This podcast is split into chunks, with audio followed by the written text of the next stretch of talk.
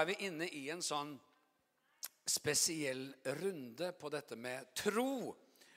Og eh, i dag så blir det litt annerledes søndag. Så, så, men det passer veldig godt, det vi skal snakke om og dele om, i lys av det som har å gjøre med tro. Så vi fortsetter med den serien neste uke. En livsstil i tro. Men i dag skal vi også snakke om noe som er litt annerledes. Fordi det som vi da skal snakke noe om, det, det har å gjøre med Hans Nilsen Hauge grunnskole. Og jeg vet ikke om du noen gang har vært på en, eh, et, en gudstjeneste hvor hele budskapet handlet om oppstarten av en kristen grunnskole. Men om du aldri har vært med på det, så skal du få være med på det i dag. Og om du tenker ja, men det her det har ikke noe med meg å gjøre, så tar du feil. Det har noe med deg å gjøre. Og så er det også sånn at eh, vi, skal, vi skal la oss speile av et helt spesielt eksempel. Hebrebrevets forfatter taler om at vi skal legge merke til de som har gått foran oss, og vi skal følge etter dem i deres tro. Vi skal legge merke til den livsferd de har som har liksom fullført løpet godt. Og Derfor så blir det også noe som virkelig blir til allmennhetens velsignelse her. Uansett hvor du er i livet, og uansett hva du står i. Så hør nå her, Dette er et utrolig spesielt år for oss. Og jeg har lyst til å bare gi vår oppmerksomhet et lite øyeblikk til det som er denne menighetens visjon. Fordi det fins mange mange ting som er felles for alle menigheter, alle kirker. ikke sant? Jeg mener Guds ord skal forkynnes, man skal be, man skal lovsynge, man skal bli kjent med Gud, man skal disippelgjøre, man skal gjøre Jesus kjent eller gjøre evangelisere, man skal være engasjert i misjon på et eller annet nivå, man skal holde på med nattverd, man skal holde på med barn, man skal dyrke fellesskapet. Altså Det finnes veldig, veldig mange ting som enhver menighet som er en menighet, gjør. Helt enkelt fordi det er en menighet. Så er det samtidig sånn at det fins en hel del ting som liksom kan være litt særegent for en spesiell menighet, og som har å gjøre med en menighets personlighet eller spesielle oppdrag. Ikke alle menigheter har fått absolutt samme oppdrag på alle områder. Og Derfor er det sånn at det som er formidlet for oss i det som er menighetens visjon, er som et sånn styringsverktøy som sier noe om det oppdraget som denne menigheten har fått. En, en visjon sier jo noe om hva vi skal være og gjøre. Og Da har vi definert gjennom, gjennom eh, egentlig ganske sånn i begynnelsen av menighetens eh, start, men eh, noen, noen få år uti der, fem ting som menigheten skal være og gjøre. Og Det første det er å være et åndelig hjem. Det andre er å være en ambassadør for evangeliet. Det tredje er å være en misjonsbase. Det fjerde er et senter for lovprisning og barmhjertighet. Og det femte er en visjonsbærer for neste generasjon. Eh, og alle disse alle disse områdene har en slags sånn undertittel. Og Det tar vi ikke liksom inn i detalj her nå, for det er den siste vi skal fokusere på. Men en visjonsbærer for neste generasjon der alle står sammen om å nå den oppvoksende generasjonen av barn, og ungdom og studenter med evangeliet. Det som er litt interessant, er at dette med et åndelig hjem, det fins det mye å si om. En ambassadør for evangeliet. Eh, det er jo noe vi alle er, som, som etterfølgere av Jesus, som disipler som deler troen vår. Og dette med misjonsbase er jo noe som er veldig tydelig, jf. forrige søndag.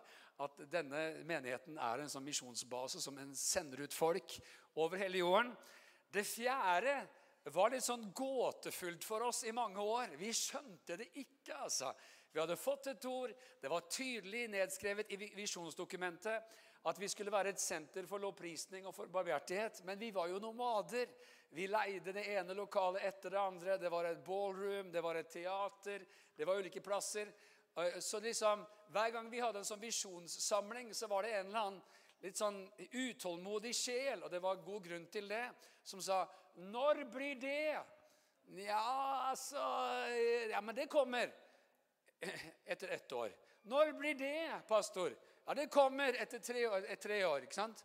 Når kommer det? Visjonssamling år ti. Det kommer vel, håper vi, på et eller annet tidspunkt, men Ai, ai, ai. Altså, Det gikk jo fryktelig mange år. 18 år fra menigheten startet til dette begynte å se dagens lys. Så av og til så er det sånn at det er visse ting i det som har å gjøre med visjonsoppfyllelse, som krever mye tålmodighet. Ah, det er sant både på det personlige planet, og dette er sant på det som har med oppdrag som Gud gir oss som menighet. Og Når det gjelder dette som har med å være visjonsbærer for neste generasjon, så er det noe vi lever i på veldig mange forskjellige vis.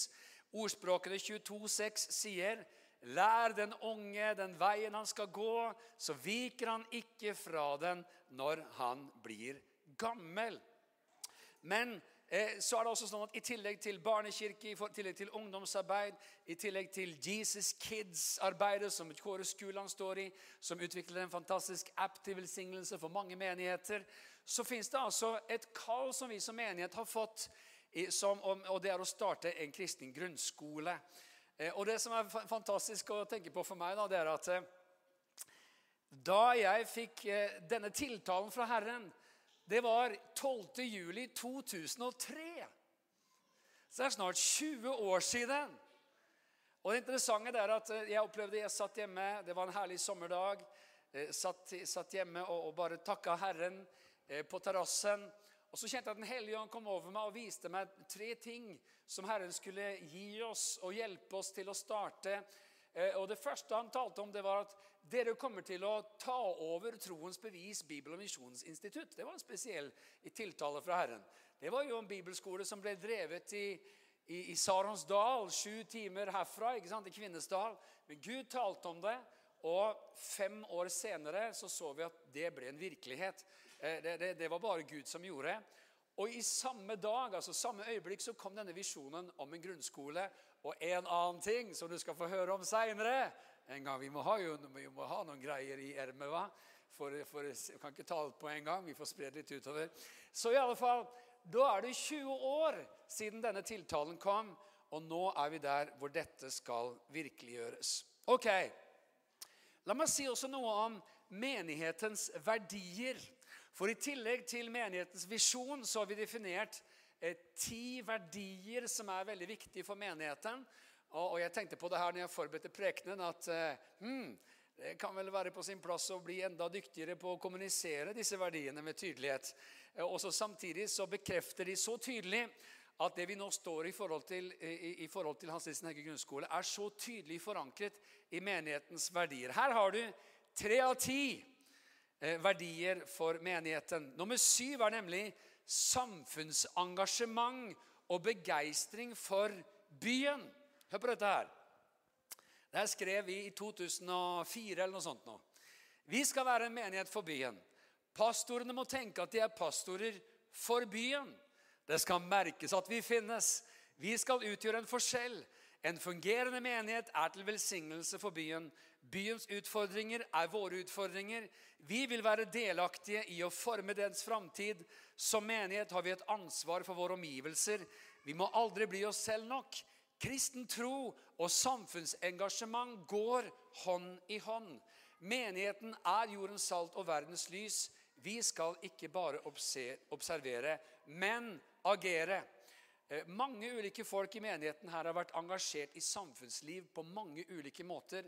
Gjennom å tjene sine yrker, eh, gjennom å engasjere seg også politisk, eh, gjennom å engasjere seg for, for utstøtte eller for å uttrykke omsorg på ulike måter. Det er mange som har engasjert seg det, i dette menigheten. Hør på nummer åtte.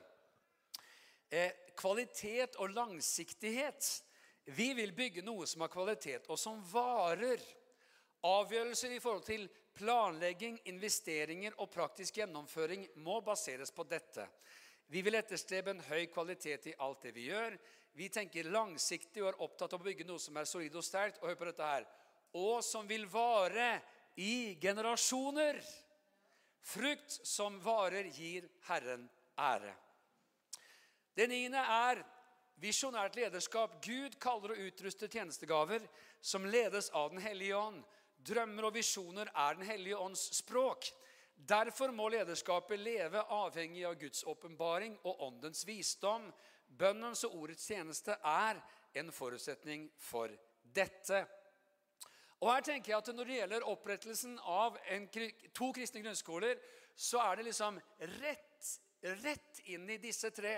Samfunnsengasjement, det dreier seg om byen, eh, det dreier seg om langsiktighet, generasjoner, og det dreier seg om visjoner født i Guds hjerte, og som han har formidlet til oss som ledere.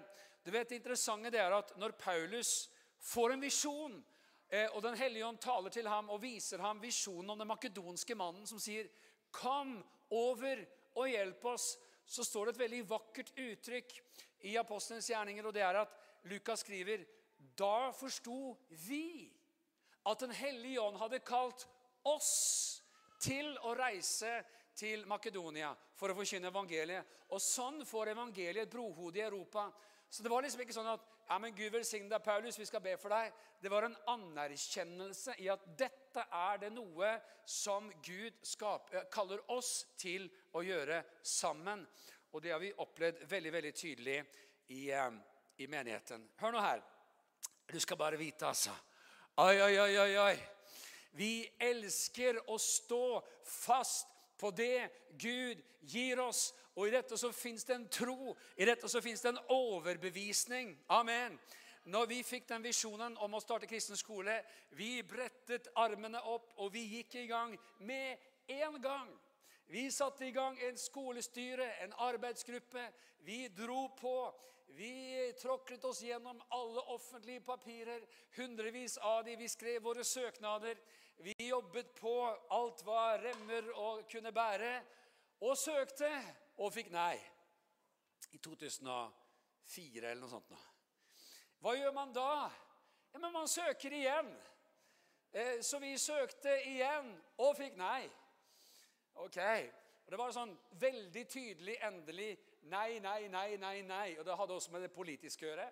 Jeg kommer bitte litt inn på det, men når vi begynte med prosessen, Eh, så var det visst, eh, en viss regjering som var veldig positiv til kristne skoler. Eh, og før vi liksom var sluttført alle saksbehandling, og sånn, så ble det et regjeringsskifte. Og, vår, vår, sak endte på et bord med en regjering som ikke var positive til kristne skoler.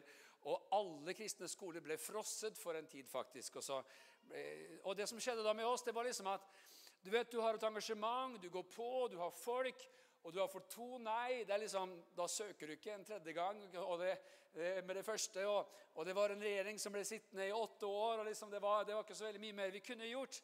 Og så er det interessant å virkelig oppleve at og hør på her, det her gjelder også i ditt liv. At hvis noe virkelig er fra Gud, så kommer det fram igjen. Du kan ha tanker som kommer og går, du kan ha visjoner som kommer og går.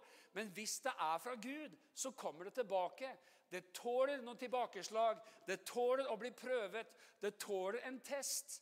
Så gikk det en hel del år, og så ble det et regjeringsskifte igjen. og så, så kjente vi liksom at uh, disse tankene om kristen skole begynte liksom å, å liksom, Det var som en liten sånn Du vet uh, når, når, når, når, våren kommer, og du ser et fossefall som er et svært, majestetisk fossefall som er bare fullstendig is begynner å tine litt, så begynner det å piple fram litt vann som en sånn ørliten bekk. ikke sant? Det er egentlig et fossefall, men det er bare et lite bekken du ser.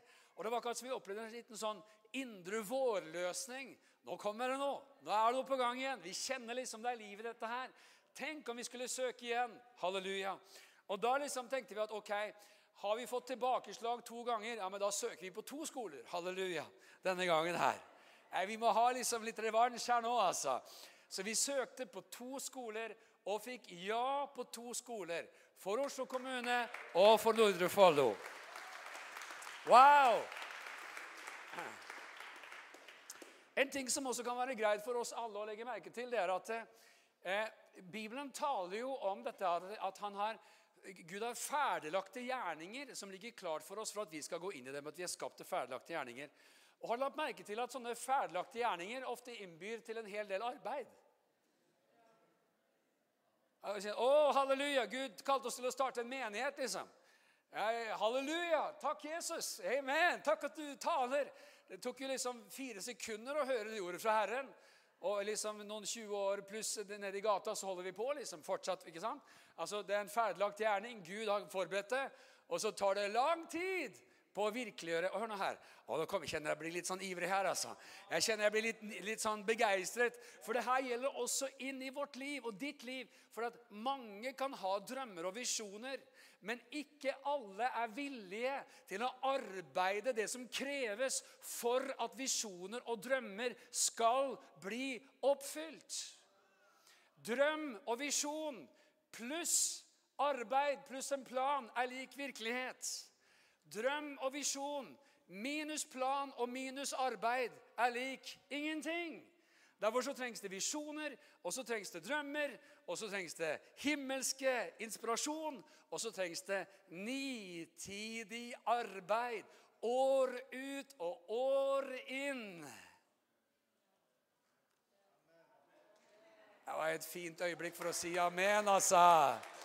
Hallo, hallo. Amen. Amen, amen. Hvorfor kristen skole? Vel Det fins veldig mye å si om dette her, og veldig mye mer enn jeg kan få sagt i dag også. Men jeg skal si noen ting.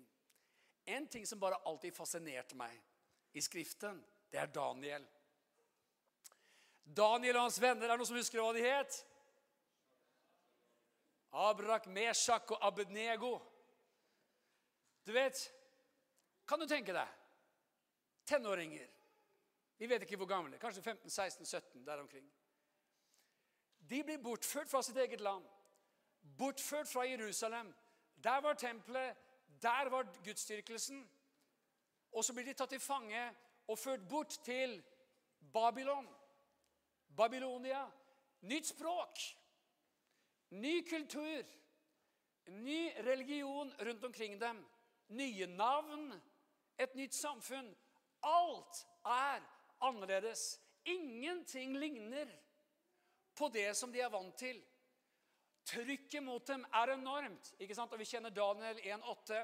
At Daniel og hans venner de satte seg fore i sitt hjerte at de ikke ville gjøre seg uren med kongens fine mat. De visste at hvis vi går inn på den leia der og begynner å spise det de setter framfor oss, så kommer vi til å bli som dem, tenke som dem, leve som dem. Det kan vi ikke. Og hør, hva er det som skjer? Jo, midt i et samfunn som trykker på, som presser på for å fjerne deres tro og for å endre deres identitet, så er det de som påvirker sine omgivelser, og ikke motsatt. Det er de som setter trenden, det er de som setter fokus. Det er de som begynner å påvirke. Og ikke bare påvirker de liksom på trosplanet, de påvirker på samfunnsplanet. De påvirker inn i styresettet, de påvirker på regjeringsnivå.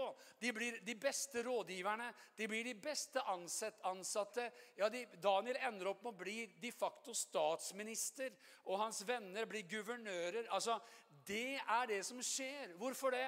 Det som hadde blitt deponert ned i dem gjennom den opplæring som de fikk ved sin jødiske bar mitzvah, eh, det at de ble sønner av loven, som det kalles, treningen fra barnsben av, slik som Paulus sier til Timoteus, at, at, helt fra barndommen kjenner du de hellige skrifter som kan gjøre deg vis, osv. Altså, kan du tenke deg? Og hvor er vi i dag? Jo, vet du hva? Vi lever i et Babylon. Vi lever ikke i Jerusalem. Og Av og til så er det nesten som at vi tenker at vi fostrer barna våre for å leve i Jerusalem.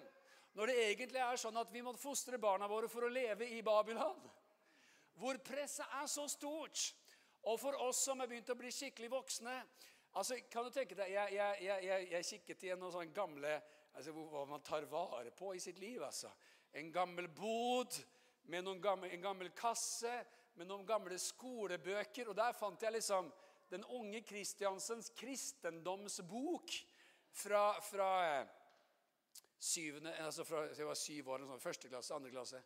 Eh, bare som parentes, det er jo noe som, noen her som husker det. vet du, men, men, men, det fantes en tid i Norge hvor det her faget som nå heter KRLE, og som hva vet, liksom det ender med KRLEFGH altså Det kan bli veldig mange bokstaver der etter hvert.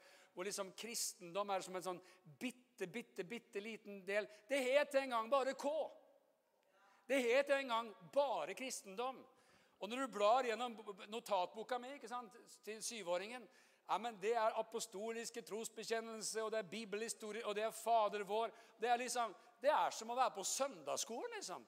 Og det ble undervist av læreren på skolen. Kan du tenke deg? Jeg husker at dagen begynte med Fader vår. På Barkåker barneskole utenfor Tønsberg. En helt høyst normal norsk barneskole. Jeg mener, Det har forandret seg så mye. Eh, man hadde en generasjon med, med, med, barn som vokste opp med allmennkunnskap om den kristne troen. Og Derfor kan man si at ble, ordet ble sådd inn i generasjoner av barn. Både gjennom den offentlige skolen og gjennom søndagsskolene, som de fleste unger i sin tid var en del av. Jeg husker, og den, Det fant jeg også i denne, den samme, samme boksen her. Det var interessant. Så fant jeg en sånn Eh, en, sånn KRLE-bok som jeg vet ikke hvem som har gitt meg den. Var sikkert noen som vil at her, her må du bare se, pastor. Eh, fra, fra, nå. Og du vet, var tredje, det, var en, det, var, det var bok for, for niåringer. altså Tredjeklassinger er det vel. Åtteåringer. Altså, det var så forvirrende. Fordi det var liksom Ok, kristendom, jødedom, islam, buddhisme, hinduisme, og så litt kristendom, og så litt hinduisme, og så litt buddhisme. I en eneste svær lapskaus. Og det skiftet fra side til side. Det mener kristendommen om det, og det mener jødedommen om det, og det mener hudeismen om det, og det mener buddhismen om det. Ta, ta, ta, ta. Altså, Det var som en lapskaus. Spesialdesignet for total forvirring i et liten barnesjel. Og du vet, Sånn som det er i dag, ikke sant? det er nesten vanskelig for oss som er godt voksne, å, å skjønne. Men snakker du med en ungdom Jeg husker jeg snakket med en, med en gjeng med niendeklassinger eh, på gata et eller annet sted ikke så veldig lenge siden. Og, om Jesus, om de kjente Jesus. Og så sier den ene til ja, ja, hadde ikke vi noe om det der for tre-fire år siden med Jesus og noe greier? Og liksom, hallo, altså, Er vi i Norge her, eller er vi hvor er vi nå? Det, altså, det, var, det, var, så analfabetisme som det går an i forhold til forståelsen av tro. ikke sant? Så nå er det sånn at en, en, en kristen skole skal utdanne unge mennesker, barn, i alt hva en skole skal utdanne mennesker i. Det er ikke en bibelskole, det kommer vi også tilbake til. Men jeg tror like fullt at det som Gud kan gjøre gjennom kristne skoler, er å forme en sånn Daniel-generasjon. Jeg mener, Det er ikke mange kristne skoler i Norge. De aller fleste kristne går på si, i gåsetegn, vanlige offentlige skoler. Eh, og, og, og, og, godt er det. Jeg mener, Det er ikke noe enten-eller her. Men vi trenger også kristne skoler som på en spesiell måte kan trene, fostre neste generasjon. Det er så viktig. Det er ikke det eneste riktige, men det er veldig, veldig viktig. Og Gud har gjort gitt oss et oppdrag i dette. Hør nå her. Kristne friskoler er en hjelp til foreldre som ønsker en kristen oppdragelse for sine barn. Hvem er det sitt ansvar å oppdra barna sine? Ja, det er foreldrene Jeg trodde det var staten, jeg. Det er ikke statens ansvar. Eller menighetens ansvar. Det kan være greit å liksom minne foreldre på det. noen, noen, ja, Det er vel nesten barnehagens ansvar. Det er det er mest. liksom. Nei, vet du hva? Det er ditt ansvar. Det er foreldrenes ansvar. Det er dine barn, ikke statens barn. Det er jo litt sånn viktig å si i et land som er preget av sosialisme. Hallo! Hallo, hallo! Du skjønner eh, Det fins noen sånne ismer i det norske tankegodset. Og det er f.eks. at den offentlige skolen er verdinøytral. Akkurat, ja. Og Derfor kan man liksom høre eh, kan man høre offentlige liksom, uttalelser fra kunnskapsministre eller andre politikere som sier ja, men altså, Det er så viktig med, med liksom, vårt felles tankegods og en verdinøytral skole. Kristne skoler liksom, det er liksom bare for de helt spesielle. og Det er så viktig at vi har i hele befolkningen går på de samme skolene. Vet du hva? Det fins ingenting som heter verdinøytralitet. Det er en L-Ø-G-N, løgn, og ingenting annet enn løgn.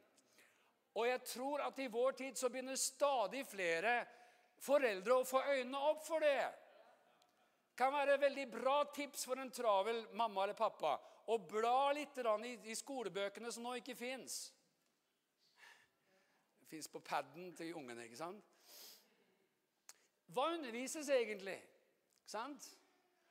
Og hør her, Det som i hvert fall er en veldig herlig utfordring og en veldig, veldig, veldig viktig ting å si også For deg som har dine barn i den vanlige offentlige skolen, så er det viktig at du skjønner at du er en mor, og du er en pappa, og du er en ekstra lærer. You better be awake. Du bør virkelig følge med i timen, altså. Ok? Jeg snakket med en, en, en forelder her i menigheten som sier at han, altså, det var så utrolig mye tid hver uke som gikk med til å samtale med barna om hva de faktisk lærte. Og, og hva liksom og, og også korrigere innholdet av det de hadde lært.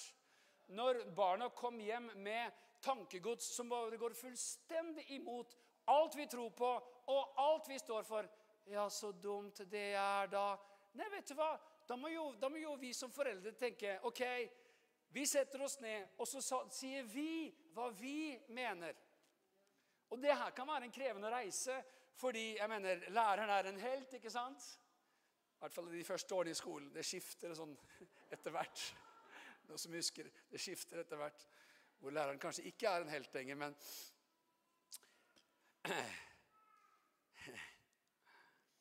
Foreldrene har både rett til og ansvar for å velge hvilket livssyn som skal prege den oppdragelse og undervisning som barna deres får, både i og utenfor hjemmet. Vi tenker at Kristne skoler utdanner mennesker til gode samfunnsborgere. Både lokalt, nasjonalt og internasjonalt. Yes. Vi tenker at det å, for, det å ha kristne skoler, det former barnas sinn. Og Derfor er det så interessant at hver gang det blir et regjeringsskifte, og denne gangen var intet unntak det første som skjer med en ny kunnskapsminister, og Gud velsigne henne, det er at nå må det bli vanskeligere å starte kristne skoler. Nå må det bli vanskeligere å, å, å, liksom, å få dette på plass i, i, landet vårt. Og man endrer friskoleloven eh, til å hete privatskoleloven, sånn at den får et navn av liksom, Ifølge kunnskapsministeren da heter det det det egentlig er. Det er ikke noe friskole, det er privatskole. Og det kan vi bruke for alt det er verdt. Det låter litt sånn fint, egentlig. Jeg har barna mine på privatskole. ja, men det, det, det, spiller jo ikke noen rolle hva det heter. Men poenget er liksom bare at eh, det her er en åndelig kamp. Det er en del av en åndskamp. Og vi vet at Og det her er veldig vanskelig nesten å skjønne seg på, men ja, nå, skal jeg, nå, skal, nå, skal jeg, ha det litt gøy. Liten, eh, kan vi ha litt politikk et lite minutt her? Er det litt sånn gøy med litt sånn ideologi bare et lite øyeblikk her? Altså Den kommunistiske revolusjonen er Arbeiderpartiets fødested. Og Derfor så var det sånn at Arbeiderpartiet i sin begynnelse var med i den kommunistiske internasjonalen styrt ifra Moskva. Eh, I begynnelsen så var det sånn at alle sosialister ville ha væpnet revolusjon, som i Russland, for å innføre sosialistisk regime. Så forlot Arbeiderpartiet dette, og det ble et brudd mellom den kommunistiske internasjonalen og det norske Arbeiderpartiet. Og Derfor så fikk man andre fraksjoner som var ganske store, og som i dag er heldigvis veldig små, sånn som Det norske kommunistiske partiet osv. NKP. Men så har du noen etterlevninger, sånn som Rødt, som ingen egentlig vet hva står for. Jeg tror det er veldig for miljøet og sånt. Ja da, les, les partiprogrammet. hva kommunismen egentlig står for. Og en særegenhet med den kommunistiske tenkningen, det er barna som statens ansvar. Og Derfor så ser man at i den kommunistiske ideologien Se i Kina der er det ikke noe igjen av kommunismen som så, så, sånn sett. Det er markedskreftene som styrer. Men det, altså, det, det, det eh, ideologiske eh, filosofien ligger til grunn. Det er forbudt å konvertere barn til kristen tro før de fyller 18 år i Kina den dag i dag. Eh, man, man, det var obligatorisk med barn i barnehage fra de var veldig små, og osv. Og der var det indoktrinering i kommunistisk ideologi. Og har du snakket med noen som vokste opp i kommunistisk skole, så kan de bekrefte hva det er vi snakker om. Og det gjør at du skjønner, Om Arbeiderpartiet har forlatt sin kommunistiske ståsted i forhold til væpnet revolusjon, det har de selvfølgelig. Takk Gud for det. Så fins det allikevel en slags ideologi i bunnen der. Kommunismen er antitro anti-Gud, antiliberalt i forhold til at foreldre vet best for sine barn. Staten er din forsørger, og staten vet best. Og Derfor så ser man at når det skiftet kommer, så er det alltid vanskeligere i forhold til alt som har å gjøre med kristen frihet. Derfor så står vi nå i en kamp i Norge hvor f.eks. dette her med konverteringsterapi, som er en helt annen sak, som ingen egentlig vet hva er, og som ingen egentlig vet hvem holder på med, og som man sliter med å finne noen som helst empiri for faktisk eksisterer i norske, eh, går på kryss og tvers av menneskerettigheter, trosfrihet, og tar den ene, ene rettigheten etter den andre og vil knuse dem. Rett og slett fordi at staten bestemmer over deg. Ikke sant? Og det er, det er, viktig at vi faktisk ser av og til at mange av disse her understrømningene som vi aldri forstår pga. fin retorikk, av fin Og så fins det mange gode ting rundt dagens sosialdemokrati i forhold til tenkning rundt likhet og, og, og, og sosialt ansvar. og det, det, er mange gode ting med det. Det, skal, det er ikke liksom svart-hvitt her. Men, men poenget er at det er veldig viktig at vi ser at hvor Hvem startet de første skolene? Hvem startet de første videregående skolene? Hvem startet Europas universitet? Var det sosialistene? Var det kommunistene? Nei, vet du hva? Det var de kristne. Det var kirkene gjennom århundrer. Når ingen gikk på skoler i Norge, så startet kirkene skoler hvor man lærte seg å lese så man kunne lese sin bibel, lærte sin katekisme osv. Du kan nevne hvilket universitet som helst i Europa som er et gammelt og da mener jeg sånn 3, 4, 5, 6, 7, 8, 9 1000, 900 000 år gamle. De er startet av kristne, hvert bidige som fins, altså. Harvard University startet av en prest. Yale University osv. startet av troende. Den lista er lang. Hva er poenget her? Og så har da staten kommet inn, og så er staten finansiert, og det fins mye som er bra med det. Men så vil også da staten ta fra troende mennesker ethvert initiativ, ethvert eierskap, enhver visjon, enhver tenkning som går ut på å forme barna ikke i statens bilde av hvordan en samfunnsborger skal være og leve, men i Guds bilde. Halleluja! Kan man fortsatt være en Daniel ved å leve, gå i en vanlig skole? Selvfølgelig! Ja da. Men dette er et redskap som Gud har gitt oss. Hans Nilsen Hauge grunnskole. Hvorfor har vi valgt dette navnet? Hvor mange har hørt om Hans Nilsen Hauge? Født i 1771 i Tune utenfor Østfold. Og nå skal du få høre her. Vi har valgt dette navn med en helt spesiell hensikt. Og nå skal du få høre hvilke kvaliteter og perspektiver som skal løftes fram i forbindelse med Hans Nilsen Hauge grunnskole. Bygget på den tenkning, eller det liv snarere, som Hans Nilsen Hauge representerer. Og her er det bare å spenne beltet fast, altså. For det her er kraftige saker. Er du klar? Er du klar? Ja, Det er et liv som preker her. Nummer én personlig gudsliv. 25 år gammel så blir Hans Nissen Hauge døpt i Den hellige ånd. Han eh, synger 'Jesus, du skjønner forening og smake', mens han går og pløyer. Og der, bang, så kommer Guds kraft. Guds ild kommer over han, og han blir et åndsdøpt. Og Derfor kan du reise ned til Tune i Østfold i dag og se hjemmet der han bodde. Og utenfor så står det en fantastisk bauta hvor det står 'Jeg har sverget Den hellige ånd troskap'.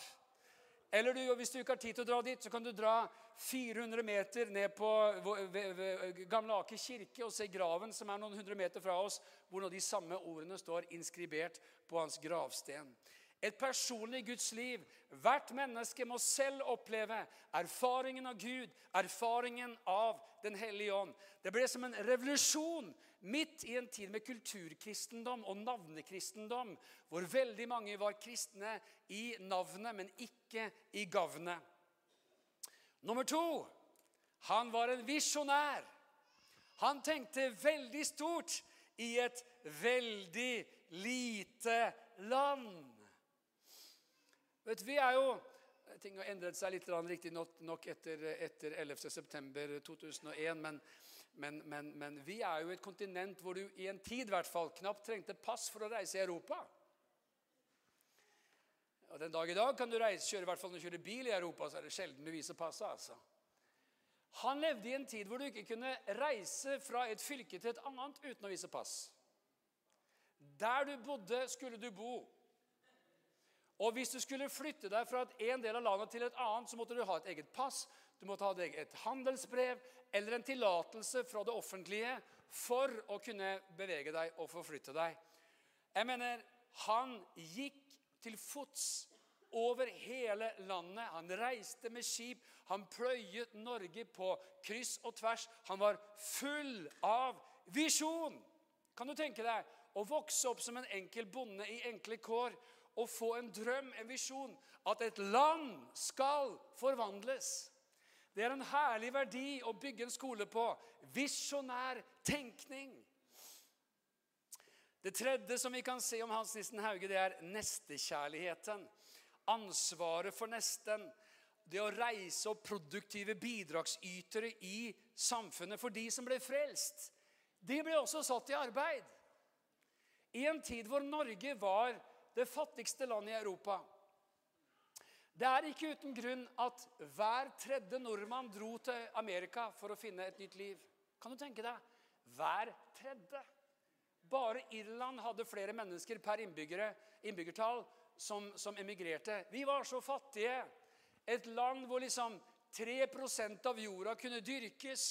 Fjell og karrig jord. ikke sant? Og en nasjon av bønder og fiskere så var vi fattige, og det var ekstremt med alkoholmisbruk. Veldig mange drakk opp pengene sine. Når de ble frelst, så sluttet de å drikke. Så fikk de arbeid, de ble opplært. Det var en del av vekkelsen. Og vet du hva? Folk ble løftet ut av fattigdommen. Og vi snakker om, eh, altså vi snakker om eh, tre generasjoner før, før liksom arbeiderbevegelsen virkelig kom på banen. Hallo! Det er nesten så det er historierevisjonisme i norske historiebøker om hvor Norges velstand og liksom vel og ve havner. Man tenker ja, det var en misere, og så kom arbeiderbevegelsen. Og så liksom ble det fart på sakene. vet du hva? Det er en omskrivning av historien. Og man kan se i mange norske skolebøker at Hauge knapt er nevnt. Skal jeg lese en sånn norgeshistorie for barn? På 400 sider. Jeg tror det står én setning om Hauge. Nestekjærligheten, det å hjelpe mennesker tilbake til et liv i verdighet, det er haugianisme. Nummer fire produktivitet. Jeg mener, han hatet lediggang. Han var så full av virketrang at han gikk og strikket mens han gikk. Og ikke var det noe spesielt typisk mannsarbeid heller, hva? Så liksom typisk Hauge på tur, det var å gå fra by til by. Hva ellers skulle man gjøre? Hest, selvfølgelig. kunne man gjøre, Hest og vogn. Man, man, man gikk, og han hadde møter med folk mens han gikk. Ledermøter.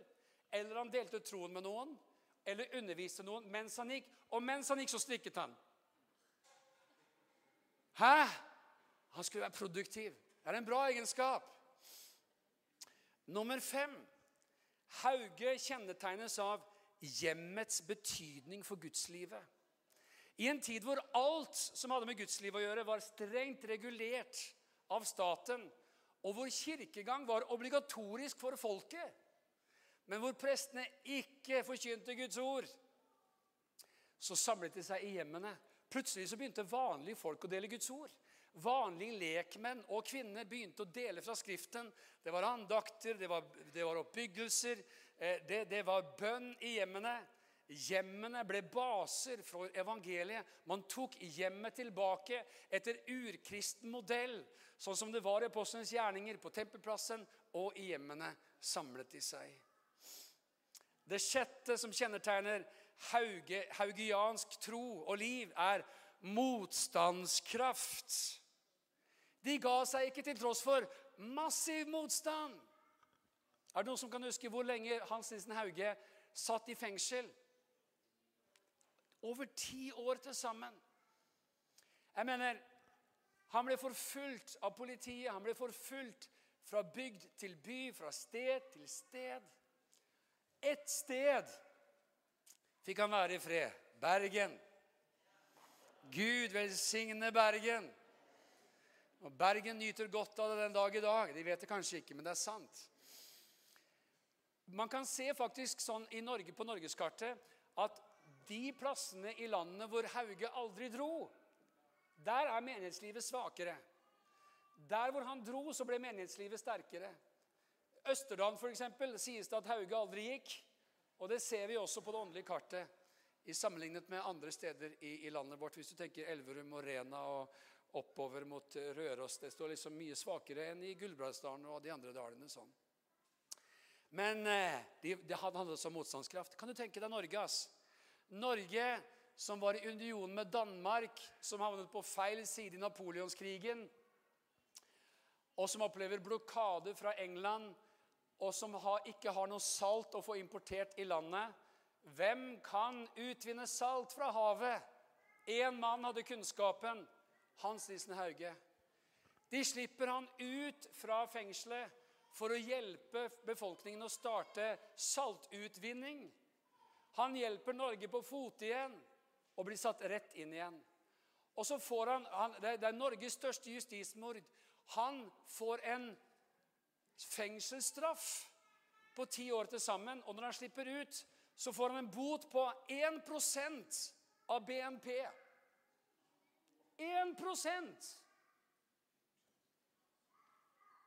Kan du tenke deg? Av Norges totale inntekter. Nummer sju. Hauge var preget av en enorm arbeidsmoral. Arbeidet var ikke bare en gjerning man gjorde, det var et kall ifra Gud. Derfor så gjaldt det med høy arbeidsmoral, arbeidsetikk. Arbeide, produsere, skape ble sett som en gudstjeneste. Flittighet var en tjeneste for Gud. Nummer sju, eh, nummer åtte, unnskyld. Han forløste kvinner. Ops! Før noen andre gjorde det. Jeg mener, Den dag i dag var han forut for sin tid. Kan du tenke deg at i 1802, for 221 år siden, var 33 av alle predikanter i bevegelsen kvinner. 222 år seinere så vet jeg ikke om én eneste kirke i Norge som er i nærheten engang av 33% av predikanter som kvinner. En tredjedel. Ikke i nærheten. Kan du tenke deg, altså? Av de topplederne i Haugebevegelsen var 20% av lederne kvinner. Han var den første i Norge som løftet fram at menn og kvinner var likeverdige. Han forventet seg det samme fra kvinner som for menn. Han var banebrytende. Han var revolusjonær i forhold til forløsningen av hele Kristi kropp. Kvinner banet vei både i menighetsliv og i forretningsliv. Det er fantastisk hva denne mannen produserte. Vet du hva Gud trenger? Han trenger bare ofte én ting. Han trenger én person som han får sin vei med. Og i vårt land så var Hauge en sånn mann. Punkt nummer ni han ble, var kunnskapsorientert. De som ble frelst og var analfabeter, ble lært å lese. Hans følgere ble kalt lesere. Leserne samles fordi de leser så mye i Bibelen og i kristne bøker. Hør nå her. Hans bøker ble produsert i mellom 250 000 og 300 000 eksemplarer i en befolkning på 800 000 mennesker. Det vil grunnleggende si at Hauges bøker fantes i hvert hjem. Og når Hauge satt fengslet, så var det en av de vanskeligste tingene for ham det var at hans bøker ble konfiskert og ofte brent.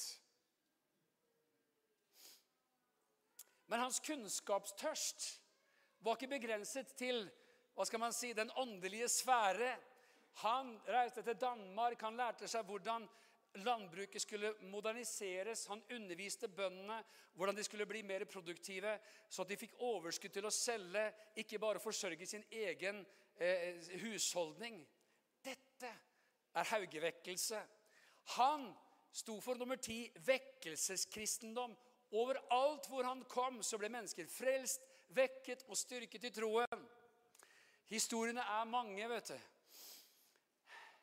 En dag så kom han til et hjem oppi, et plass oppe i Valdres og skulle ha noen møter. og De puttet Hauge inn i et hjem og tok den liksom mest løsslupne dama man kunne finne i hele distriktet, og eh, slengte inn til Hauge og sperret dørene for å få mannen til fall. Og Så går det noen timer, og så kommer kvinnen gråtende ut og bøyer kne for den levende Gud. Da hadde Hans Nissen Hauge begynt å be. Og hele rommet hadde blitt fylt med Guds herlighet. Og hun omvendte seg fra sine synder og fra sine laster og ble en nyskapning i Jesus Kristus. Vekkelseskristendommen, venner. Bygdelandet. Nummer 11 lederskap. Før han dro videre fra et sted, så innsatte han ledere. Siden sto han i kontakt med dem. Han reiste opp lederskap på en måte som ingen hadde gjort før. Han introduserte sosial mobilitet. Før Hauge så var det sånn Ble du født som en fisker, så døde du som en fisker. Ble du født av en bonde, så døde du som en bonde. Han introduserte en måte å tenke på og leve på som var Du kunne gjøre hva som helst. Du kunne starte der, og du kunne ende der. Du kunne starte som en fisker, og du kunne ende som en leder for en fiskefabrikk. For du lærte deg å tenke som en leder. Dette representerer Hauge. Nummer tolv. Kjenner du at det er bra, dette her, eller? Come on! Samfunnsreformasjon. Reformasjon av samfunnet fra grasrota. Han reiste opp samfunnsborgere og han reiste opp samfunnsengasjement. Men han var også med på å forme ledere som ble parlamentarikere og det er viden kjent at når Grunnloven ble stiftet i 1814, så var det en rekke framstående haugianere på det første Stortinget. Nummer 13 Pioneren. Jeg mener, Menigheter er nevnt allerede. Han banet vei for hundrevis av fellesskap av menigheter som ble startet over hele Norge. Og det interessante det er jo at hele verden de kjenner til Wesley, til, til, til Charles Finney, eller liksom til sånne American revivalists. Skal jeg si en ting? Hvis denne mannen hadde skrevet og virket på engelsk, så hadde det ikke vært et menneske rundt omkring som ikke hadde hørt om han. Jeg mener, Han var en revolusjonær av historisk rang. Men han kom fra et lite land langt mot Nordpolen som snakket et språk som heter norsk. Mens De siste årene så har folk begynt å få øynene opp for ham. så F.eks. Lauren Cunningham er en som underviser mye om Hans Nissen Hauge. Det han gjorde med menigheter, pionerte fram også den kommende misjonsbevegelsen, som slo ut i full blomst etter Hauges død.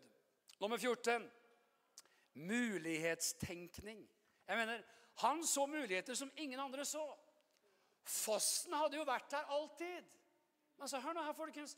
Her kan dere jo bygge en mølle. Å, kan vi det? Sånn gjør du det. Jeg mener, Skogen hadde jo alltid vært der. Sa, 'Hvorfor kan ikke dere starte en treforedlingsbedrift her?' 'Å, kan vi det?' 'Hvorfor kan ikke dere starte en skipsvirksomhet her?' Denne mulighetstenkningen var noe som han representerte.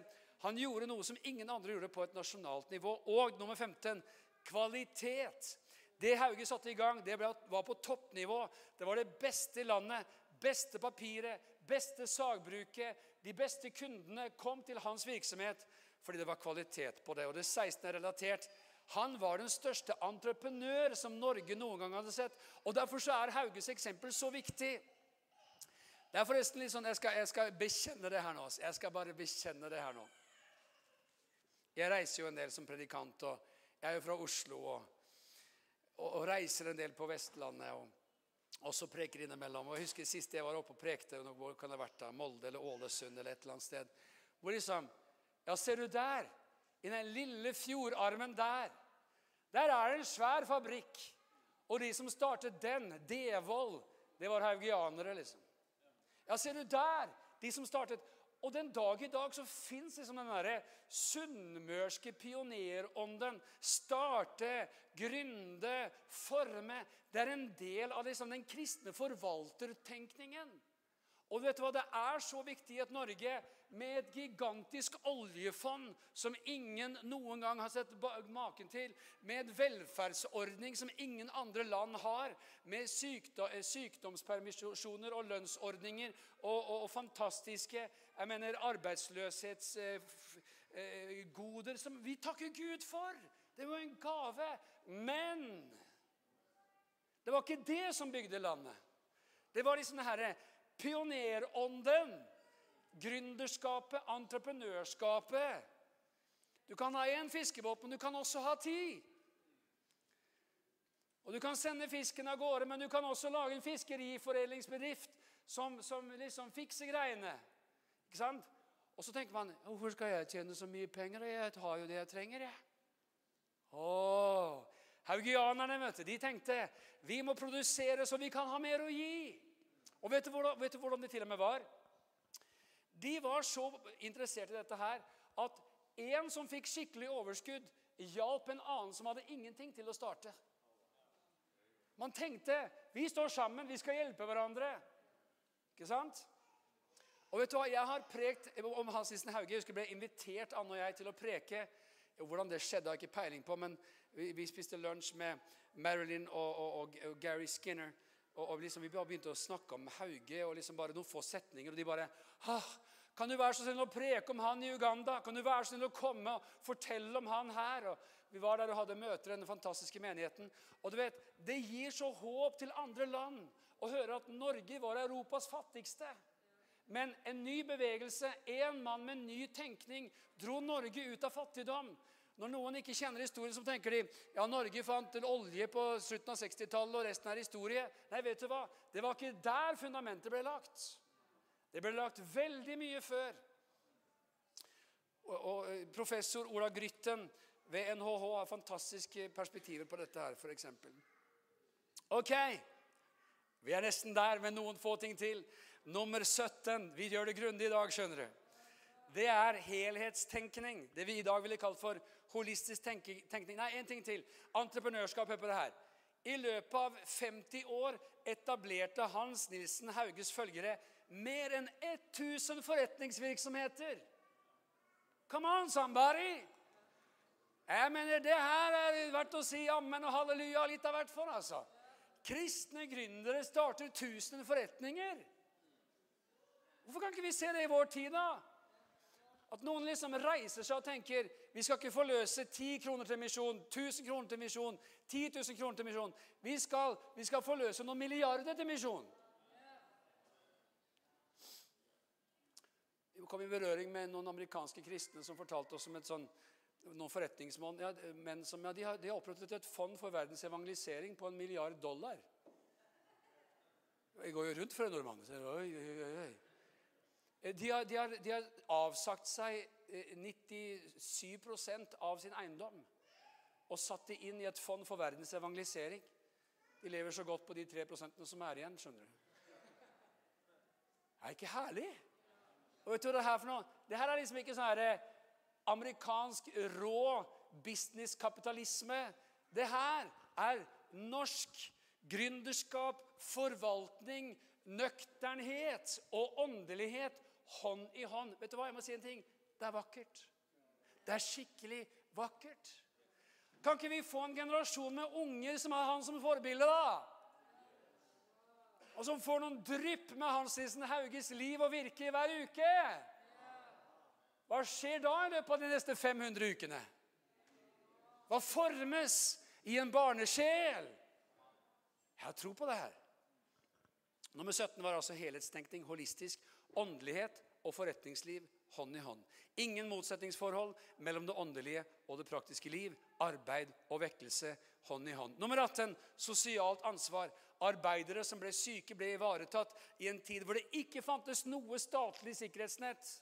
Så lærte han og praktiserte på alle virksomheter at syke arbeidere skulle også få mat, skulle også få lønn, skulle også bli tatt hånd om. Den kristne nestekjærlighetstanken var til grunn for det. Nummer 19. Tro på menneskets muligheter. Han så gaven i den enkelte. Han, de ble forløst inn i sitt fulle potensial. Og han brøt selv alle regler, og det syns jeg er deilig. Jeg mener, En bonde fra Østfold som skriver hvor mange bøker? 50 eller et eller annet? Det var jo uhørt. Det var bare akademikere som skulle skrive bøker. Troen på menneskets muligheter deponert i hver enkelt en. Nummer 20 samhold og enhet. En enormt samhold, et enormt fellesskap. Eh, individets forløsning på, på denne siden, fellesskapets ansvar på den andre siden, og hva vi kan gjøre sammen. Og det siste er 21. 21 grunner halleluja, til å løfte fram Hans Nissen Hauge som eksempel og navn på våre nye skoler. Kreativitet. De var så innovative. De var så nytenkende på så mange måter. Hvilke eksempler for neste generasjon? Ok. Takk for tålmodigheten. Nå kommer finalen.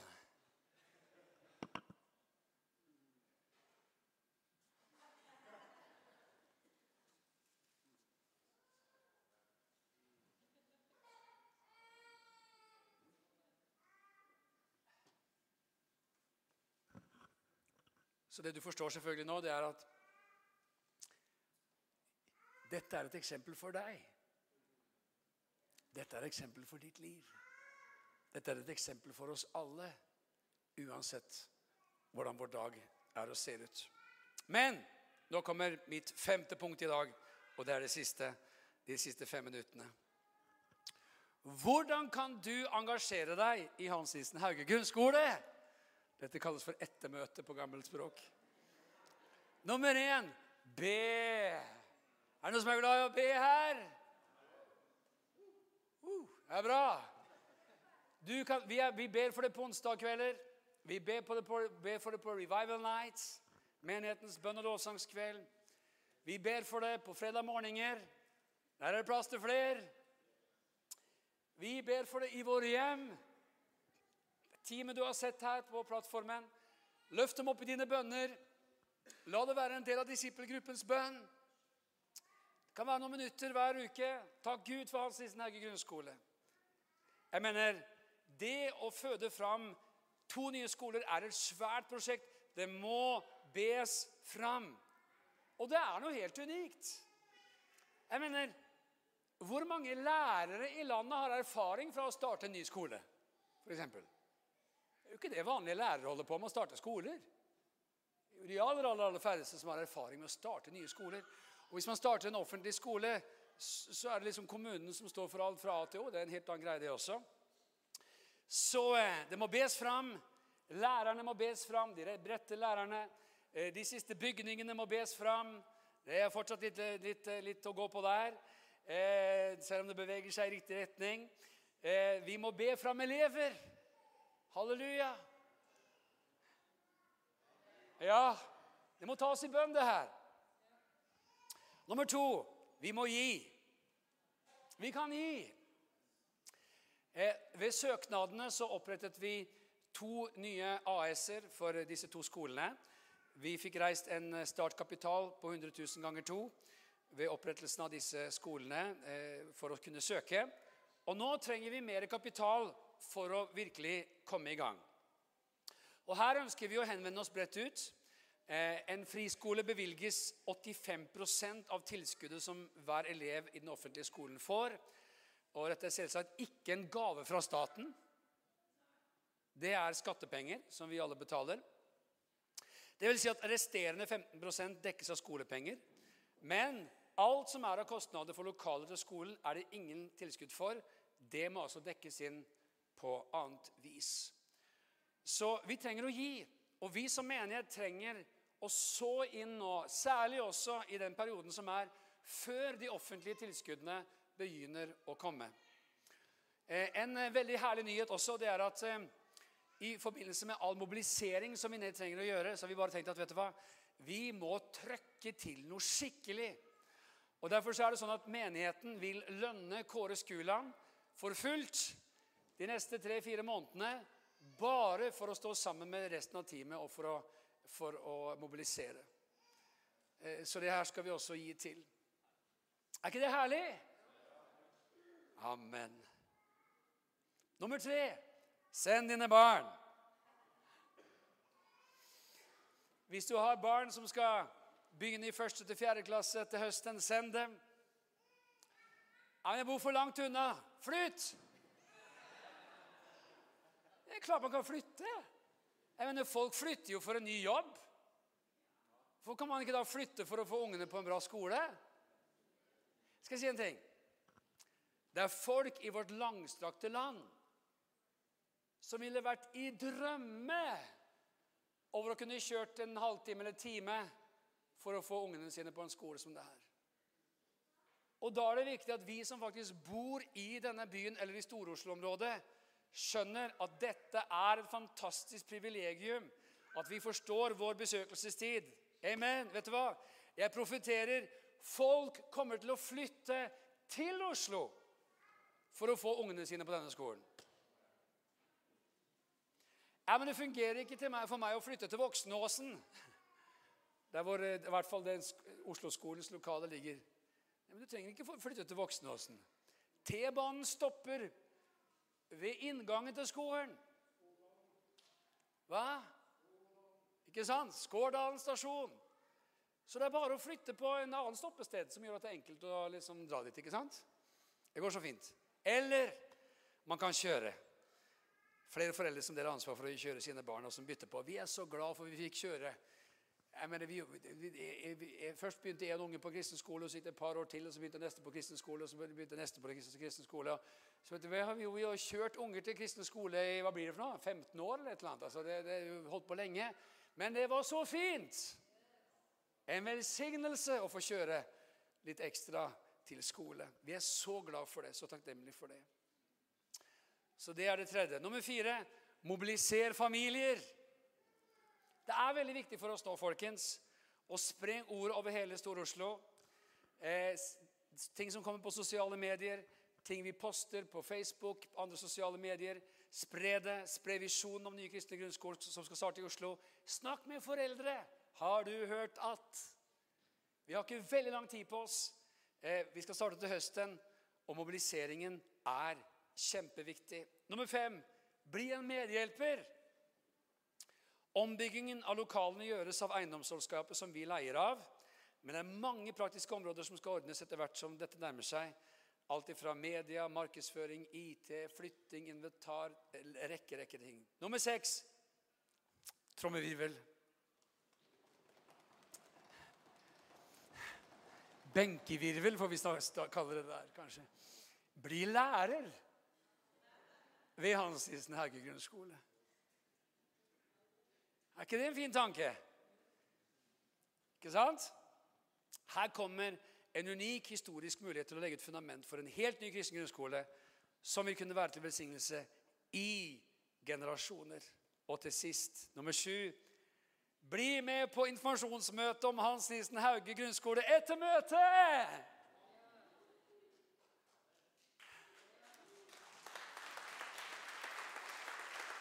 Og finn ut hvordan du kan stå med og støtte på ulike måter. Og til sist Hør nå her. Hvem er det som skal starte to kristne grunnskoler? Det er vi, ja. Takk skal du ha. Det er vi. Det er ikke de, men det er vi. Det er menigheten Jesus Church. Vi tenker at dette skal være for hele Kristi kropp. Vi tenker at det skal være for hele byen. Vi tenker at det skal bre seg ut til alle mulige folk. Og, og, det som historien også viser, at mange foreldre sender sine barn på kristne skoler som ikke selv har den kristne troen, for de tenker det der er godt for mine barn. Derfor er det en løgn også at kristne skoler bare er for en liten sånn ensartet gruppe. Det, det, det spenner over et stort, stort område av befolkningen. Mange muslimer sender sine barn på kristne skoler i Oslo-området. For de tenker jeg tror at mine barn trenger sånne verdier. Lovsangsteamet kan få komme opp her, og så skal vi be sammen om et lite øyeblikk. Det er vi som starter dette her. Det er jo fint å kunne si det til sine venner. Har du hørt hva vi holder på med om dagen, da? Vi holder på med å starte to nye kristne grunnskoler, vi. Oi, hvem er vi? Hvem er det? Ja, men det er, det er oss. Det er menigheten. Det er vi som får nåden til å starte dette her. Halleluja. Du vet vet at eh, når Josva står foran Jordan etter å ha gått i ørkenen i 40 år Vi har i hvert fall vært i en sånn skoleørken i 20 år. Så sier Skriftens ord i Josva 3,13.: Når så prestene som bærer Herrens alljordens ark, står stille med sine føtter i Jordans vann, da skal Jordans vann, det vann som kommer ovenfra, demmes opp så det står som en vegg. Vers 15. Da de som bar arken, kom ned til Jordan, så snart prestene som bar arken, satte sine føtter i vann ved elvebredden, da stanset det vannet som kom ovenifra. Veldig ofte så er vi der i våre liv, og også som menighet i ulike situasjoner hvor vi tenker OK, Gud, du stopper Jordanelven, og så når det blir tørt, da går vi. OK, Herre. Mens ordet er Dere går inn i elven, og da stopper jeg vannet. Det handler med tro å gjøre. Og Derfor så er det sånn at budskapet om å starte to kristne grunnskoler det føyer seg rett inn i budskapet om en livsstil i tro. For som menighet så setter vi føttene ut i Jordan i billedlig forstand. Jeg mener vi har ingen elever foreløpig. Vi har ingen lærere foreløpig. Vi har en rektor, og vi har ett bygg. Vi trenger en rektor til, vi trenger et bygg til. Og det er veldig mye som skal skje for at denne skolen skal startes, disse to skolene skal startes. Men vi har satt våre føtter i Jordanelven, og da sier vi, 'Herre, her står vi.' Her står vi som menighet. Da må du sørge for oss. Da må du eh, sørge for at dette her ordner seg. Du må sørge for økonomien. Du må sørge for ressursene. Du må sørge for elevene. Du må sørge for alt det vi trenger. Og så tenker jeg det er så veldig viktig å kunne se at vi må ha flere tanker i hodet av en gang. Hør nå her. Menighetsliv det rommer så mye. Det rommer hele livet fra A til Å. Alt sammen. Og det her er ikke det eneste vi gjør. Vi gjør så mange ulike ting som Gud har kalt oss til. Men dette er noe av det som skjer nå, og som Gud har tenkt at du og jeg skal få lov til å se virkelighet. Om 10 år, 20 år, 30 år, om Herren drøyer, skal du tenke deg jeg var med å be det fram. Jeg var med å få det løs. Jeg var med å gi det, gi det, gi, gi det inn. Ja, men 'Jeg har ingen unger som skal gå der selv', eller 'jeg har ikke barn', eller 'jeg er ikke gift', eller Nei, vet du hva? Tenk at det her er å så inn å gi inn og investere i neste generasjon. Av og til så ser du resultatet i en person på en uke, en som blir frelst. Andre ting trenger noen tiår for å forme en ny generasjon med unge mennesker i Hans Nilsen Hauges fotspor. Så hva skal vi gjøre nå, folkens? Vi skal gi. Vi skal praktisere den ene måten vi kan gi på. Og vet du hva, jeg tenker at det vi gir, er så viktig.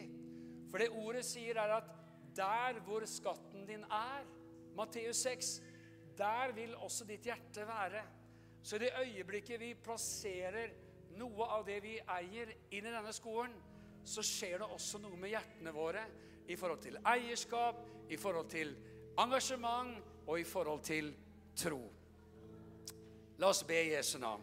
Herre Far i himmelen, takk for at vi får lov til å ta opp en kollekt nå. Til opprettelsen, igangsettelsen, videreføringen av Hans Nissen Hauge grunnskoler. Du har vært med oss, du har vært trofast, du har sørget for oss så langt. Du har gitt oss fantastiske ledere. Vi har et fantastisk lokale på gang, og vi har et annet lokale som vi tror vi også skal få. Vi ser at du går foran oss, vi ser at du hjelper oss. Og så tror vi, Herre, at du lar menigheten nå få ta nye steg i dette og grunnlegge Hans Nilsen Hauge grunnskoler til høsten. Så nå takker vi deg for et velsignet offer. Vi ber om en, en mirakelkollekt. Vi ber, Herre, om at vi skal la oss få gi, eh, som ditt ord sier, ja, over evne, i glede og takknemlighet for å være en del av dette spesielle prosjekt. I Jesu navn, og alle folket sa Amen.